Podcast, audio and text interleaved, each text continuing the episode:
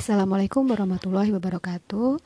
Uh, baik kita bertemu lagi pada perkuliahan yang selanjutnya yaitu kita akan membahas mengenai jenis asesmen dalam psikologi klinis. Ya, untuk um, awalnya uh, akan saya informasikan terlebih dahulu mengenai uh, apa sih asesmen itu gitu ya. Nah, asesmen ini uh, awal mulanya yaitu berasal dari ilmu atau praktek perpajakan, yaitu suatu metode untuk menaksir beban pajak seseorang uh, atau suatu perusahaan, begitu ya. Jadi uh, seberapa banyak uh, nilai yang harus diberikan itu uh, awalnya diakses dulu, begitu. Lalu uh, dengan mengangkat istilah uh, diagnostik dalam dunia kedokteran, ini awal mulanya begitu. Nah, dalam psikologi klinis itu digunakan istilah psikodiagnostika. Ya, yang dimaksudkan dengan psikodiagnostika itu apa? Psikodiagnostika adalah e, usaha untuk menemukan sumber dari gejala atau simptom yang tampak e, atau kita dapat lihat gitu ya dengan e, panca indera kita e, untuk kemudian e, dimasukkan ke dalam klasifikasi gangguan kejiwaan begitu. Nah, asal kata psikodiagnostik ini adalah dari kata psiko yang berarti jiwa, dias yang berarti tembus dan gnosis yang berarti tumbuh atau subur begitu. Nah, uh, lalu istilah ini uh, lebih sering digunakan untuk memahami gejala-gejala perilaku yang dianggap menyimpang atau sakit begitu ya. Nah, padahal dalam psikologi sendiri berbeda dengan kedokteran. Nah, yang ingin diketahui itu tidak semua berupa gejala sakit kalau dalam psikologi. Bahkan dalam psikologi klinis pun terdapat uh, suatu movement gitu ya, terdapat suatu gerakan yang tidak hanya melibatkan perilaku menyimpang, melainkan hanya disebut sebagai perilaku yang maladaptif gitu. Nah, dengan istilah maladaptif selain perilaku sakit juga termasuk perilaku yang kurang optimal gitu karena adanya pemahaman prinsip kontinum tadi kontinum mulai dari yang paling sehat sampai yang paling sakit nah sepertinya prinsip ini sudah pernah saya sampaikan di pertemuan sebelumnya begitu ya Nah, e, saat ini yang paling banyak dipakai itu adalah istilah assessment gitu. Sebagaimana yang sedang kita bahas sekarang ya. Nah, istilah asesmen ini seperti tadi saya katakan berasal dari ilmu atau praktek perpajakan gitu. Jadi, selain istilah psikodiagnostika dan asesmen, uh, ada juga uh, istilah lain yang dikenal seperti pengukuran atau measurement gitu ya. Nah, yang dimaksudkan dengan pengukuran ini adalah usaha untuk mengetahui suatu fenomena tanpa harus menghubungkannya dengan penilaian baik atau buruk gitu. Nah, biasanya pengukuran atau measurement itu e, banyak digunakan dalam rangka psikometrika yang terlepas dari penilaian baik atau buruk ya. Nah, e, baik atau buruk ini dalam rangka psikometri terjadi ketika hasilnya digunakan untuk keperluan tertentu. Nah, e, selain itu ada nih metode asesmen lain yang juga terkenal saat ini gitu. Nah, disebutnya assessment center gitu ya. Nah, uh, arti kata center di sini itu bukan berarti pusat, tempat atau badan gitu ya. Cuma uh, in, hal ini menunjuk kepada jenis metodenya gitu. Jadi dalam assessment center terutama uh, terhadap kompetensi orang yang di yang yang di assess gitu ya kadang-kadang bisa juga uh, potensinya yang dinilai. Nah, kemampuannya untuk melaksanakan tugas yang biasanya dilakukan uh, oleh uh, suatu orang uh, yang diakses gitu. Nah, yang lain lagi ada uh, namanya evaluasi psikologis dan appraisal juga yang uh, dikenal dengan nama pemeriksaan psikologi atau psychological examination. Nah, uh, jadi tes itu hendaknya dipahami sebagai salah satu metode dari asesmen atau suatu pengukuran gitu ya. Nah, jika dilihat dari uh, substansi pemeriksaannya atau isi dari pemeriksaannya, uh, itu terdapat jenis-jenis uh, asesmen yang digunakan dalam kegiatan psikologi klinis. Nah, apa saja kurang lebihnya saya rangkumkan sini jadi empat. Ada asesmen pemfungsian intelektual, ada asesmen kepribadian, uh, yang ketiga asesmen pemfungsian neuropsikologis dan asesmen perilaku. Nah, apa saja uh, dari keempat asesmen itu akan saya jelaskan. Ya, yang pertama asesmen pemfungsian intelektual. Nah, asesmen pemfungsian intelektual ini uh, dilakukan untuk mengetahui kemampuan dan kekurangan intelektual uh, seseorang, gitu ya. Nah, hal ini tuh merupakan tugas uh, orisinil, orisinalnya seorang psikolog gitu karena uh, di sisi lain ada sebagian psikolog dan uh, ada ada masanya begitu di mana faktor intelijensi dinilai uh, atau dianggap paling berperan dalam pengembangan kepribadian dan pendalaman disiplin uh, seseorang dalam menjalani kehidupannya di bidang apa pun gitu ya. Nah, asesmen intelektual ini yang dianggap paling spektakuler di masa lalu gitu ya, itu uh, apa yang ditemukan oleh Sir uh, Francis Galton gitu. Itu pada tahun 1896. Nah, beliau menemukan uh, pernyataan mengenai kualitas genius herediter gitu. Nah, istilah genius ini sebetulnya mengandung berbagai macam prestasi yang tidak dimasukkan ke dalam hal yang uh, terkait dengan pengukuran intelijensi gitu. Nah, uh, misalnya prestasi-prestasi yang lain, prestasi musik, prestasi olahraga, begitu ya. Nah, uh, asesmen intelektual uh, pernah menjadi suatu kontroversi uh, dengan uh, pernah menjadi suatu kontroversi oleh ilmuwan-ilmuwan uh, pada waktu pertama kali munculnya psikologi klinis gitu ya. Nah, para teoritisi ini dan peneliti menaruh minat terhadap struktur intelek dan berusaha untuk menyusun komponen intelektualnya berdasarkan sudut pandang yang berbeda gitu. Nah, uh, untuk mengembangkan tipe-tipe uh, ini dibutuhkan pengukuran dan prosedur begitu ya, yang secara statistik dan uh, membutuhkan subjek penelitian yang banyak untuk menyusun uh, segala sesuatu yang berhubungan dengan normanya nanti. Nah, kemudian ahli lain menurut Sperman tahun 1904 eh, gitu ya. Nah, beliau mengemukakan adanya satu kemampuan yang disebut sebagai faktor umum intelijensi atau bisa disebut juga dengan general factor of intelligence. Nah, uh, General Factor of Intelligence ini merupakan cikal bakal munculnya General Factor teori gitu ya. Nah, uh, ada juga nih ahli lain yang berpendapat mengemukakan tentang uh, faktor khusus intelijensi, yaitu dari Gardner ya. Mereka uh, beliau mengemukakan mengenai multiple intelligence. Multiple intelligence itu macamnya ada banyak, ada misalkan uh, atau bisa disebut juga kemampuan kecerdasan majemuk gitu ya. Ada kecerdasan naturalis, linguistik, interpersonal, intrapersonal, kecerdasan uh, musik gitu ya. Uh, banyak kurang lebih ada delapan kalau nggak salah delapan atau sembilan gitu. Nah, lalu untuk selanjutnya uh, definisi intelijensi ini kita harus tahu dulu sebelum mempelajari lebih lanjut mengenai uh, asesmen pemfungsian intelektual gitu ya. Nah, uh, definisi intelijensi menurut Wessler, intelijensi itu adalah kapasitas global individu, jadi kemampuan keseluruhan untuk bertindak, bertujuan, berpikir rasional dan berhubungan efektif dengan lingkungannya gitu. Nah, sumber-sumber intelijensi itu dari mana saja? Itu dari genetika, bisa dari lingkungan, dan bisa juga dari genetika lingkungan gitu. Ya, eh, yang dimaksud dengan genetika lingkungan itu apa ya gitu ya?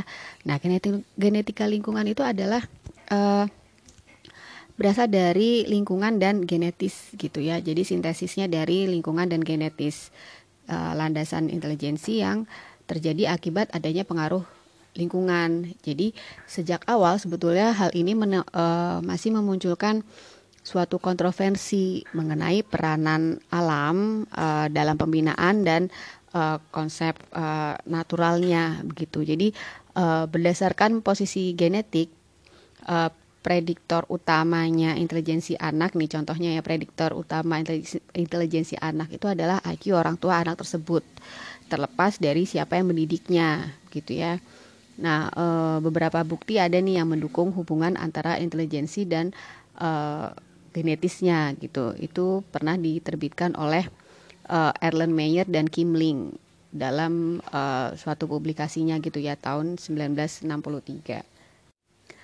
Nah, e, sebaliknya, posisi lingkungan menyatakan bahwa kondisi-kondisi lingkungan itu dapat mengungguli e, genetisnya gitu ya dalam menentukan kapasitas intelektual.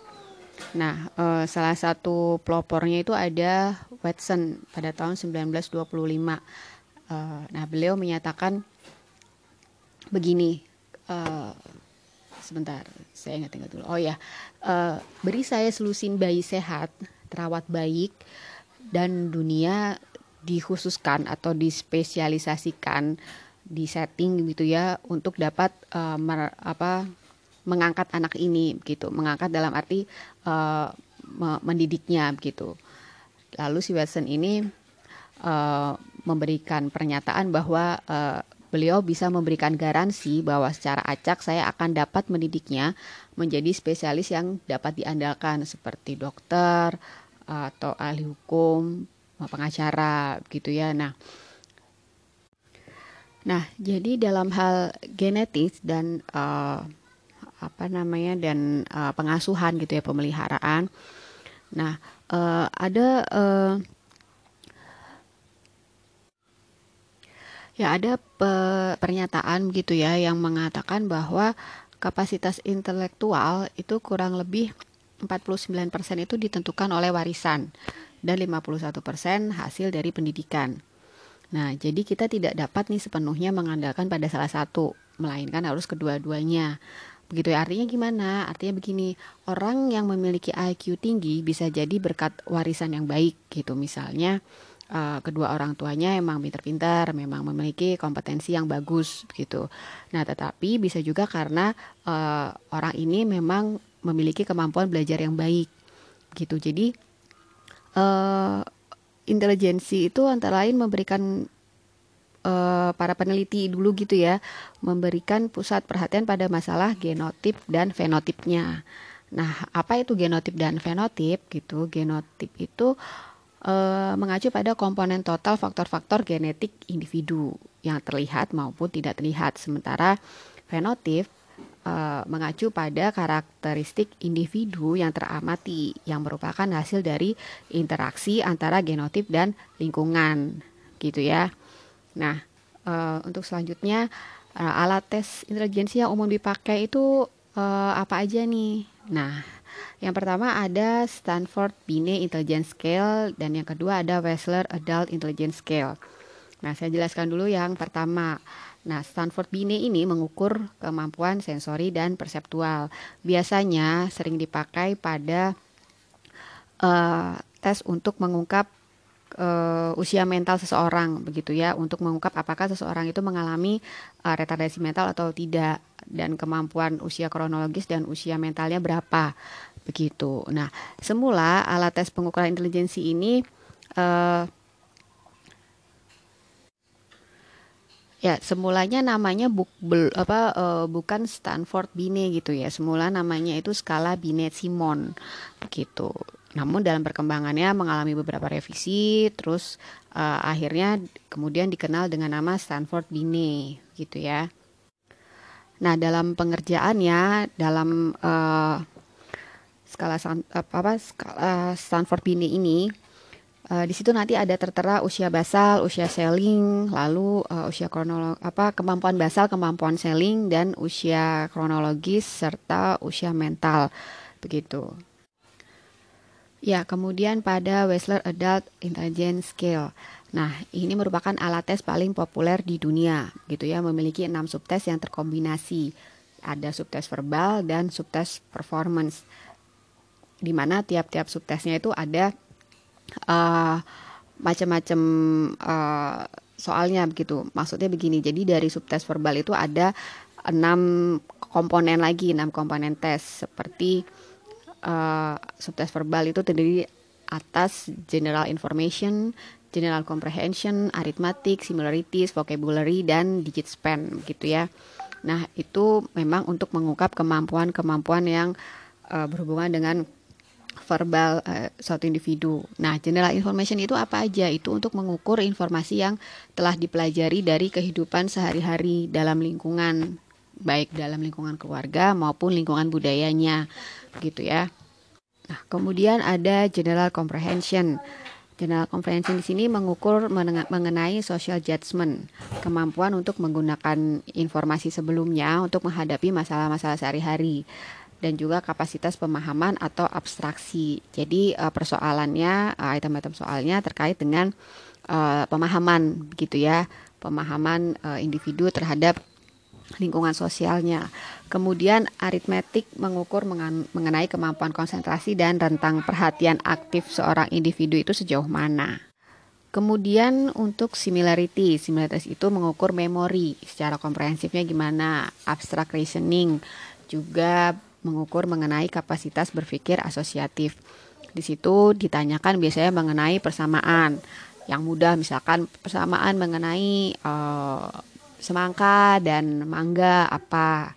Nah, bisakah individu ini mengembangkannya dengan lebih jauh begitu. Nah, di situ nanti bisa dilihat kemunculan-kemunculan intelijensinya. Begitu. Kemudian vocabulary itu mengukur tentang gagasan, isi pikiran, eh, kekayaan, proses kognitif dan lingkungan. Ya, untuk selanjutnya mengenali vocabulary itu mengukur tentang gagasan, isi pikiran, kekayaan proses kognitif dan lingkungan ya. Sedangkan digit span itu um, kemampuan untuk membedakan uh, orang yang tenang dan atentif gitu ya dari yang mudah terganggu, penuh kecemasan dan tidak memiliki perhatian gitu. Ya, kemudian untuk subtes performance dalam uh, Wessler begitu Nah, subtest performance ini terdiri dari ada digit simbol, picture completion, ada block design, picture arrangement, dan object assembly gitu ya. Nah, digit simbol ini uh, itu mengukur mengenai koordinasi visual motorik, motorik halus, uh, ketahanan subjek terhadap tugas-tugas rutin yang tidak menarik begitu ya. Jadi nanti ada beberapa eh, simbol-simbol uh, yang di disajikan begitu. Nah, uh, subjek atau klien diminta untuk um, mengikuti simbol-simbol tersebut begitu. Nah, apakah uh, subjek bisa uh, menaruh perhatian, konsentrasi terhadap tugas yang diberikan.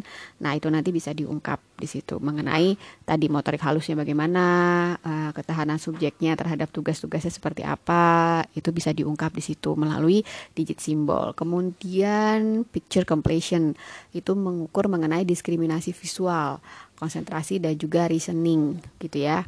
Nah, block design itu mengukur non-verbal reasoning karena uh, nanti disajikan mengenai beberapa bentuk-bentuk balok di mana kita suruh uh, meniru bentuk tersebut gitu. Nah, di situ juga bisa diukur mengenai kecepatan berprestasi dan koordinasi visual motor. Kemudian untuk yang selanjutnya ada picture arrangement, yaitu mengukur me, uh, kemampuan subjek untuk menggunakan persepsi visual yang akurat juga kemampuan dalam merencanakan dan menafsirkan suatu situasi sosial. Karena dalam picture arrangement itu terdapat uh, susunan gambar-gambar di mana uh, subjek diminta untuk menyusunnya sesuai dengan uh, sesuai dengan persepsinya begitu ya. Nah, jadi di situ uh, kemampuannya menggunakan uh, visualisasi di realitanya dengan uh, kemampuannya bagaimana begitu. Kemudian objek assembly itu mengukur uh, kemampuan analisis visual dan kemampuan menyusun yang sederhana begitu. Nah, uh, dalam menggunakan uh, tes intelijensi untuk keperluan klinis perlu diperhatikan nih beberapa catatan gitu ya. Ya, uh, catatan yang perlu diperhatikan adalah bahwa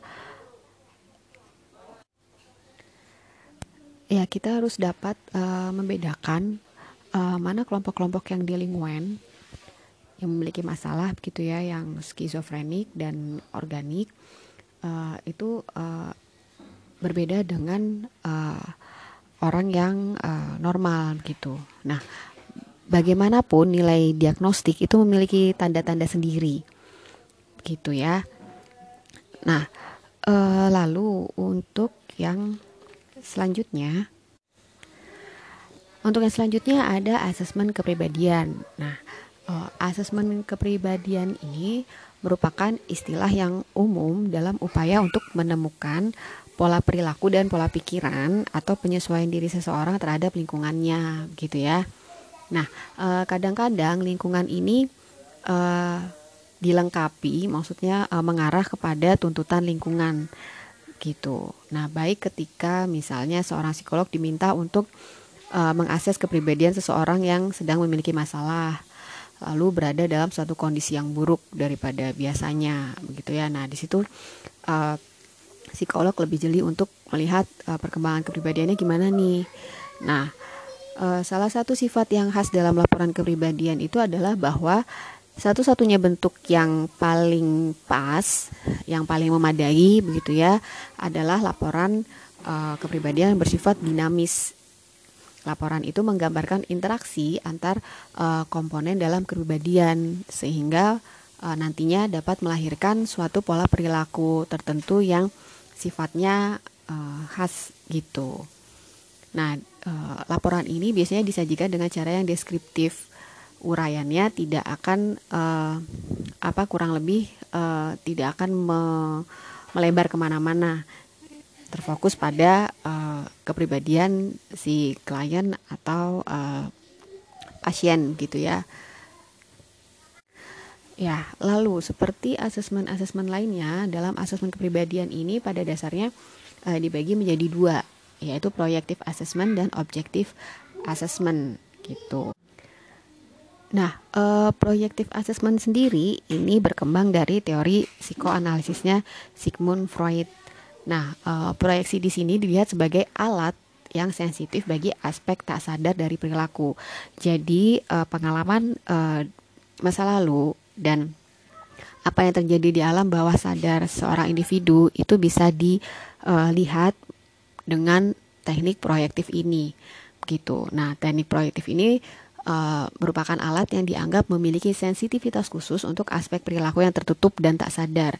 Jadi sebagaimana uh, uh, kompleksnya permasalahan klien, apa yang terjadi pada masa lalunya, yang terjadi di alam bawah sadarnya, perilaku-perilaku yang tidak disadari dan hal-hal uh, yang dia tutup dari dirinya itu bisa terungkap dengan teknik proyektif ini gitu. Nah, selain itu tidak ada respon yang benar atau salah terhadap tes proyeksi. Nah, gitu ya.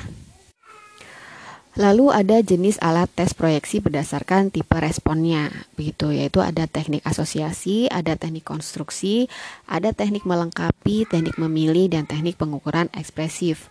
Nah, teknik asosiasi di sini ya maksudnya adalah meminta subjek untuk menjawab stimulus yang diberikan misalnya dalam tes rosa atau tes ro disebut juga ya. Itu tes uh, tentang uh, bocoran tinta tentang ink blot gitu ya. Nah di sini uh, subjek diminta untuk menjawab uh, untuk menceritakan juga uh, ini mengenai uh, gambar apa lalu persepsinya bagaimana stimulus yang ada itu di persepsi klien seperti apa begitu lalu yang kedua ada tes konstruksi itu menggunakan aktivitas kognitif yang lebih rumit Contohnya tes TAT, Thematic Apperception Test. Nah, karena di situ ada stimulus berupa gambar di mana subjek atau klien diminta untuk menceritakan isi gambar tersebut. Uh, di situ ada uh, seperti simptom-simptom yang bisa diungkap gitu ya. Lalu teknik melengkapi. Nah, subjek di sini diminta untuk melengkapi gambar yang belum lengkap. Misalnya pada tes picture completion dari Wartek.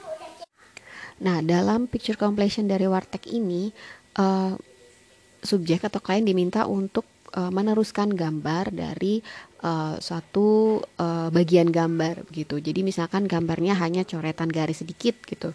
Nah, klien diminta untuk meneruskan itu menjadi uh, suatu rangkaian gambar apa. Nah, dari situ kita bisa analisa kemunculan gambarnya apa, lalu uh, gambar yang diwujudkan apa, garisnya seperti apa, adakah reaksi-reaksi emosi yang di dalamnya itu kita bisa analisa di situ. Kemudian teknik memilih. Subjek minta untuk memilih gambar-gambar dari yang paling disukai sampai yang tidak disukai. Contohnya tes zondi gitu ya itu ada beberapa foto ada beberapa gambar gitu subjek diminta untuk memilih. Nah di situ kita bisa melihat uh, gejala-gejala uh, emosi subjek seperti apa begitu. Lalu yang kelima ada teknik pengukuran ekspresif. Di sini subjek diminta untuk menciptakan sesuatu, kemudian uh, kreasinya tersebut dianalisa, seperti misalkan menggambar. Dalam tes uh, person itu kita diminta untuk memproyeksikan, uh, sorry bukan kita, uh, klien diminta untuk memproyeksikan gambar uh, dari uh, apa yang diminta oleh si tester gitu misalkan diminta untuk menggambar ya diminta untuk menggambar misalkan uh, rumah atau relasi tentang uh, keluarganya. Nah, di situ kita bisa melihat pola responnya seperti apa dari tarikan garisnya, dari bentuk gambarnya, dari kemunculan-kemunculan emosinya. Itu bisa dianalisa semuanya dengan teknik ini begitu. Lalu untuk yang selanjutnya ada objective assessment. Nah, secara ilmiah, objective assessment ini berusaha menggambarkan karakteristik atau sifat-sifat individu atau kelompok sebagai uh, alat untuk memprediksi perilaku.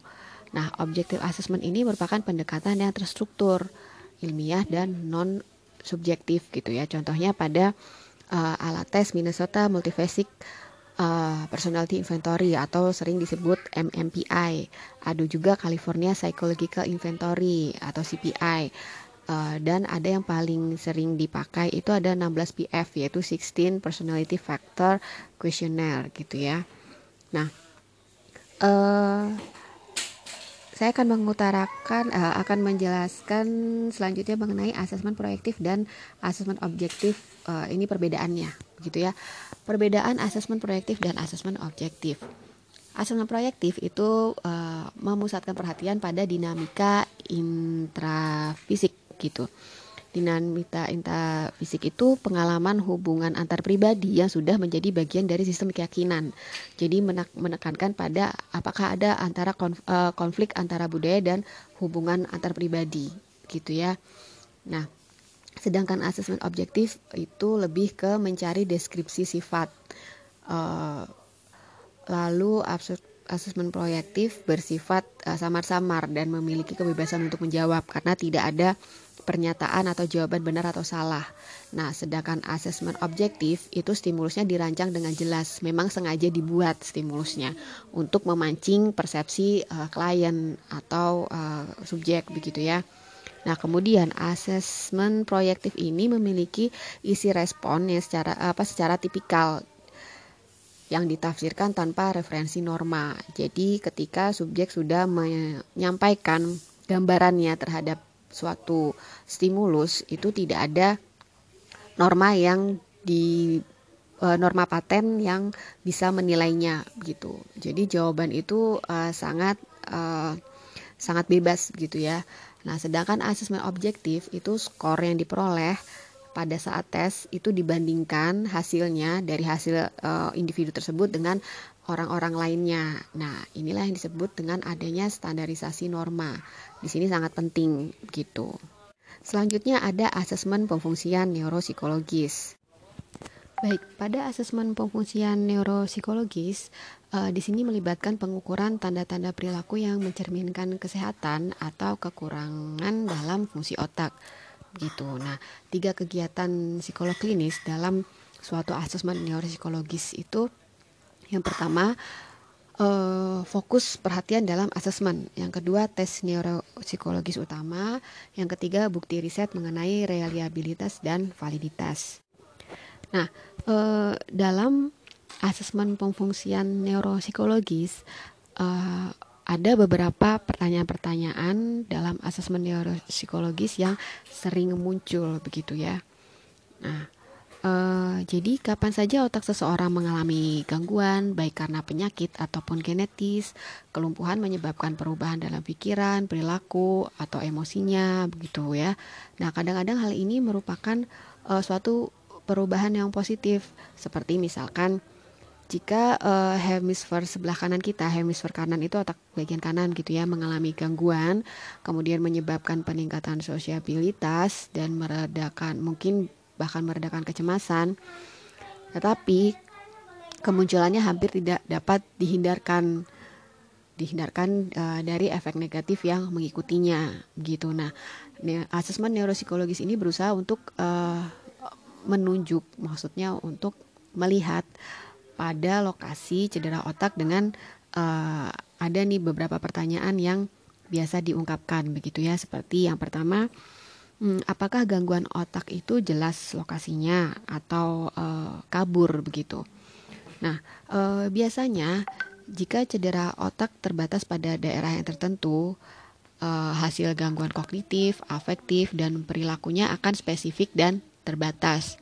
Nah, bagaimanapun juga, jika gangguan otak lebih kabur, hasilnya berupa disfungsi yang cenderung untuk uh, memiliki korespondensi yang bisa digeneralisasi, gitu. Nah, sumber gangguan dari otak yang kabur ini termasuk kekurangan oksigen atau anoksia, begitu ya, penyakit infeksi, penyakit degeneratif, penyalahgunaan obat, uh, atau bahkan cedera kepala, gitu. Nah, gangguan otak yang jelas lokasinya itu biasanya berasal dari trauma yang lebih spesifik seperti tumor, infeksi pada daerah tertentu gitu. Nah, lalu ada pertanyaan yang kedua yang sering ditanyakan yaitu apakah gangguan bersangkutan dengan pergeseran jaringan atau penyakit jaringan.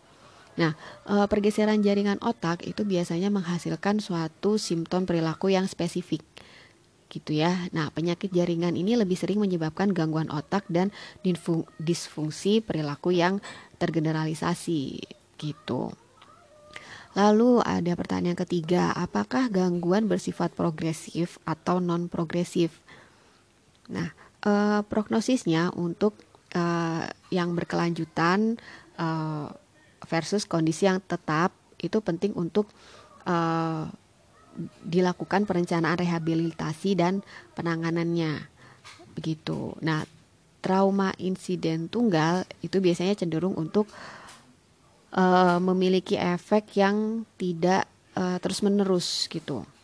Sebaliknya, penyakit atau gangguan otak yang samar cenderung uh, membuat uh, menjadi tidak progresif gitu. Nah, apakah gangguan uh, itu bisa bersifat akut atau kronik? Nah, yang paling cepat dan uh, memiliki recovery yang ekstensif gitu ya. Nah, gangguan perilaku dan fungsi kognitif ini cenderung terjadi pada satu atau dua bulan pertama setelah cedera otak gitu. Nah, dalam banyak kasus, terutama dalam eh, kasus-kasus uh, gangguan otak yang jelas daerahnya, perkembangan yang secara bertahap dan berkelanjutan itu uh, butuh waktu untuk uh, beberapa tahun begitu. Sementara pada kasus disfungsi otak kronik yang kronis gitu ya, itu uh, menghasilkan uh, dan menyebabkan suatu gangguan uh, kognitif dan perilaku yang lebih luas begitu. Nah, untuk selanjutnya, apakah disfungsi itu organik atau fungsional? Nah, implikasi dari perbedaannya antara yang bersifat fisiologis versus psikologis yang disebabkan oleh masalah-masalah tertentu ini juga penting begitu. Orang yang otaknya tidak mengalami kerusakan sering memperlihatkan disfungsi perilaku dan kognitif yang hampir sejajar dengan gejala-gejala kerusakan otak jika memang mereka memiliki kesulitan psikologis yang serius gitu ya. Nah, kesalahan diagnosis ini baik dalam arah yang uh, biasanya membuat efek negatif gitu ya pada penyesuaian sosial uh, yang didapat dari suatu uh, terapinya begitu. Nah, jika kerusakan otak salah diagnosis, terutama gangguan yang samar atau yang degeneratif tadi, ini hal ini dapat membawa ke uh, terapi psikologis atau penggunaan obat gitu. Nah, hal ini juga dapat memperparah ketidakmampuan pasien dalam uh, perubahan recovery-nya jika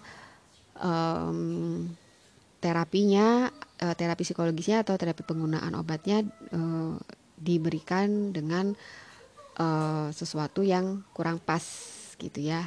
Nah, uh, mungkinkah ada minimal brain dysfunction gitu. Nah, jadi kelompok orang yang secara khusus uh, itu uh, sebetulnya bagi psikolog klinis untuk membuat diagnosa itu agak sukar gitu ya. Nah, itu adalah anak anak-anak yang memperlihatkan gangguan perilaku dan kognitif yang sama dengan anak-anak yang uh, mengalami kerusakan otak gitu. Jadi Eh, anak-anak yang normal dengan anak-anak yang memiliki kerusakan otak itu bagi psikolog klinis uh, memerlukan suatu uh, pemeriksaan yang lebih detail gitu ya untuk membuat diagnosa yang akurat. Nah, akan tetapi uh, bagi mereka, bagi neurolog ini uh, juga terkadang uh, tidak dapat menemukan eviden atau uh, bukti-bukti uh, dari uh, suatu kelumpuhan kelumpuhan otak yang jelas pada misalkan anak anak-anak yang diberi label seperti minimal brain dysfunction itu seperti anak hiperaktif, learning disability gitu ya.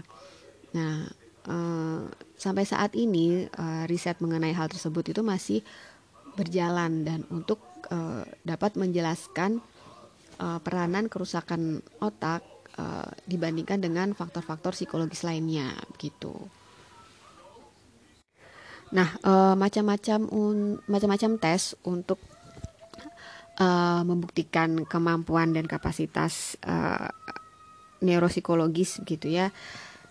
Itu ada macam-macam. Ada tes persepsi visual, tes persepsi pendengaran, tes of tactile perception, tes of motor coordination dan steadiness, ada tes of sensory motor construction skill, ada tes of memory test of verbal atau tes kemampuan bahasa begitu ya, dan juga tes of uh, tes of conceptual reasoning skill. Nah, untuk selanjutnya ada asesmen perilaku. Nah, eh, pendekatan perilaku dalam asesmen itu terpusat pada mengidentifikasikan perilaku spesifik klien atau sistem lingkungan yang mungkin memerlukan perubahan. Nah, misalnya jika klien mengalami kecemasan, asesor atau si uh, pemeriksa gitu ya dapat bertanya mengenai situasi spesifik apakah yang menyebabkan perasaan cemas, perilaku macam apa yang muncul ketika merasa cemas, lalu apakah kondisi lingkungan tertentu berhubungan dengan uh, perubahan-perubahan dalam uh, parahnya rasa kecemasannya begitu. Lalu bagaimana klien biasanya menanggulangi menanggulangi rasa cemasnya gitu ya. Nah, asesmen perilaku ini merupakan pendekatan situasi uh, spesifik yaitu maksudnya keadaan lingkungan itu diteliti dan diperiksa untuk menentukan pengaruh atau peranannya terhadap perkembangan klien. Nah, di sini asesor akan berusaha untuk mengidentifikasikan hubungan antara interpersonal klien dan lingkungannya, serta perilaku yang mencerminkan permasalahan klien dalam kehidupannya gitu. Lalu kemudian ada landasan penggunaan asesmen perilaku itu adalah uh, perspektif perilaku di mana pemfungsian manusia itu dilihat sebagai produk dari interaksi yang terus-menerus antara pribadi dan situasi lingkungannya. Begitu ya. Jadi, orang membentuk kehidupannya sendiri melalui perilakunya, pemikirannya, dan perencanaan serta emosinya. Nah, selain itu uh, terdapat lima perbedaan nih uh, mengenai asesmen perilaku dan asesmen tradisional. Yang pertama, target asesmen itu menyangkut hal-hal yang e, langsung berhubungan dengan apa yang akan dihadapi oleh intervensinya nantinya gitu ya. Jadi asesmen perilaku memusatkan perhatian pada perilaku yang langsung teramati dan gambaran e, mengenai lingkungannya gitu. Yang kedua, asesmen perilaku itu bersifat spesi e, spesifisitas gitu. Nah, tidak tidak lagi menggambarkan mengenai kepribadian umum atau melabel suatu diagnostik tertentu seperti skizofrenia gitu ya. Nah, namun asesor perilaku itu mencatat perilaku, pikiran, perasaan, dan respon fisiologisnya yang ditampilkan klien dan e, pengungkapan spesifiknya mengenai situasi di mana respon-respon tersebut muncul gitu. Nah, eh, data spesifik yang didapat dalam asesmen perilaku itu dapat digunakan untuk mengembangkan uraian yang eh, secara keseluruhan mengenai klien dan responnya begitu ya terhadap kehidupan seperti uh, misalkan disfungsi psikologis klien gitu. Yang ketiga, pusat asesmen perilaku itu adalah mendapatkan sampel interaksi aktual klien gitu. Nah, sebaliknya pendekatan tradisional dalam asesmen kepribadian itu digambarkan si pemeriksa begitu ya atau si asesor perilaku uh, sebagai penekanan tanda-tanda dari sifat kepribadian klien, psikodinamikanya atau uh, kapasitas pribadi uh, umumnya klien itu seperti apa. Yang keempat, uh, asesor tradisional dan perilaku itu berbeda strateginya untuk uh, berbeda strateginya uh, dalam mengembangkan ukuran asesmennya.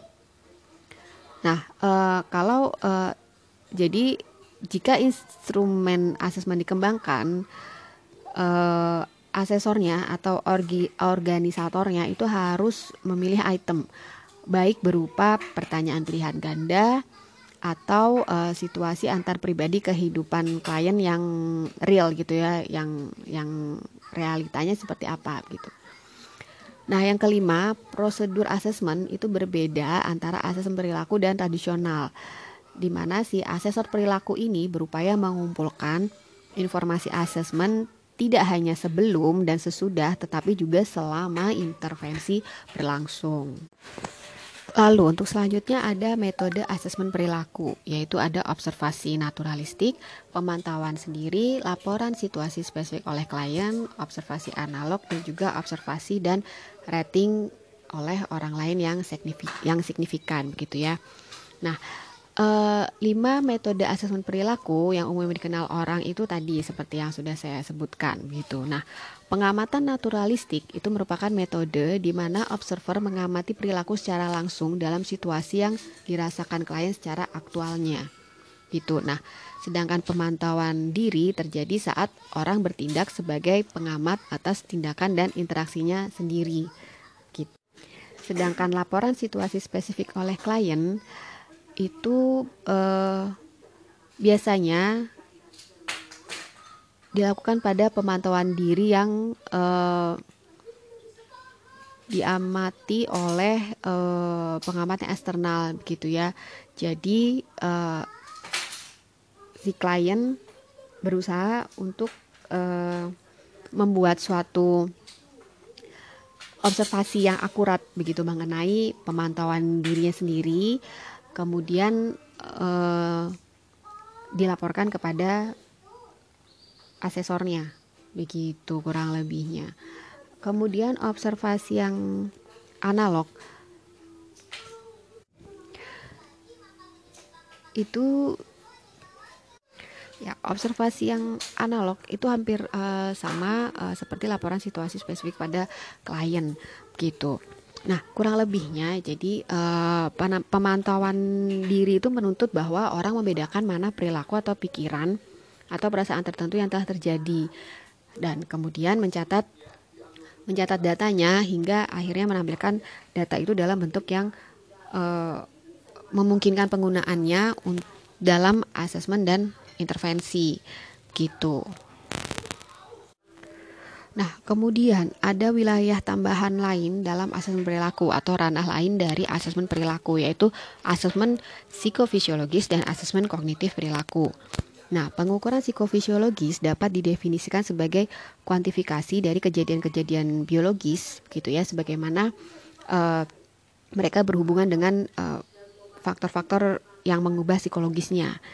Nah, secara intinya fokusnya adalah pada perekaman reaksi-reaksi jasmaniahnya terhadap rangsangan-rangsangan yang ditimbulkan oleh lingkungan. Gitu. Jadi reaksi yang secara tipikal itu uh, merupakan bagian asesmen yang termasuk uh, ketegangan otot, denyut jantung, tekanan darah, dan resistensi kulit. Kurang lebihnya seperti itu. Lalu asesmen kognitif perilaku. Uh, nah, dalam hal ini target asesmen kognitif perilaku adalah respon spesifik tetapi respon-respon ini adalah aktivitas kognitif klien atau subjek uh, penelitian begitu ya dan bukan kejadian yang dapat diamati. Begitu. Jadi dalam hal ini kejadian-kejadian kognitif bukan merupakan bagian dari asesmen perilaku. Nah, uh, meskipun demikian, uh, asesmen respon-respon kognitif yang spesifik dalam situasi-situasi spesifik, baik sebagai bantuan untuk uh, penanggulangan atau pengubah terikat dalam penelitian. Nah, itu merupakan tambahan penting bagi asesmen perilaku gitu. Nah, kurang lebihnya uh, begitu penjelasan saya hari ini mengenai uh, jenis asesmen dalam psikologi klinis begitu ya. Nah, kurang lebihnya jika ada yang kurang berkenan saya mohon dimaafkan. Baik akhir kata wassalamualaikum warahmatullahi wabarakatuh.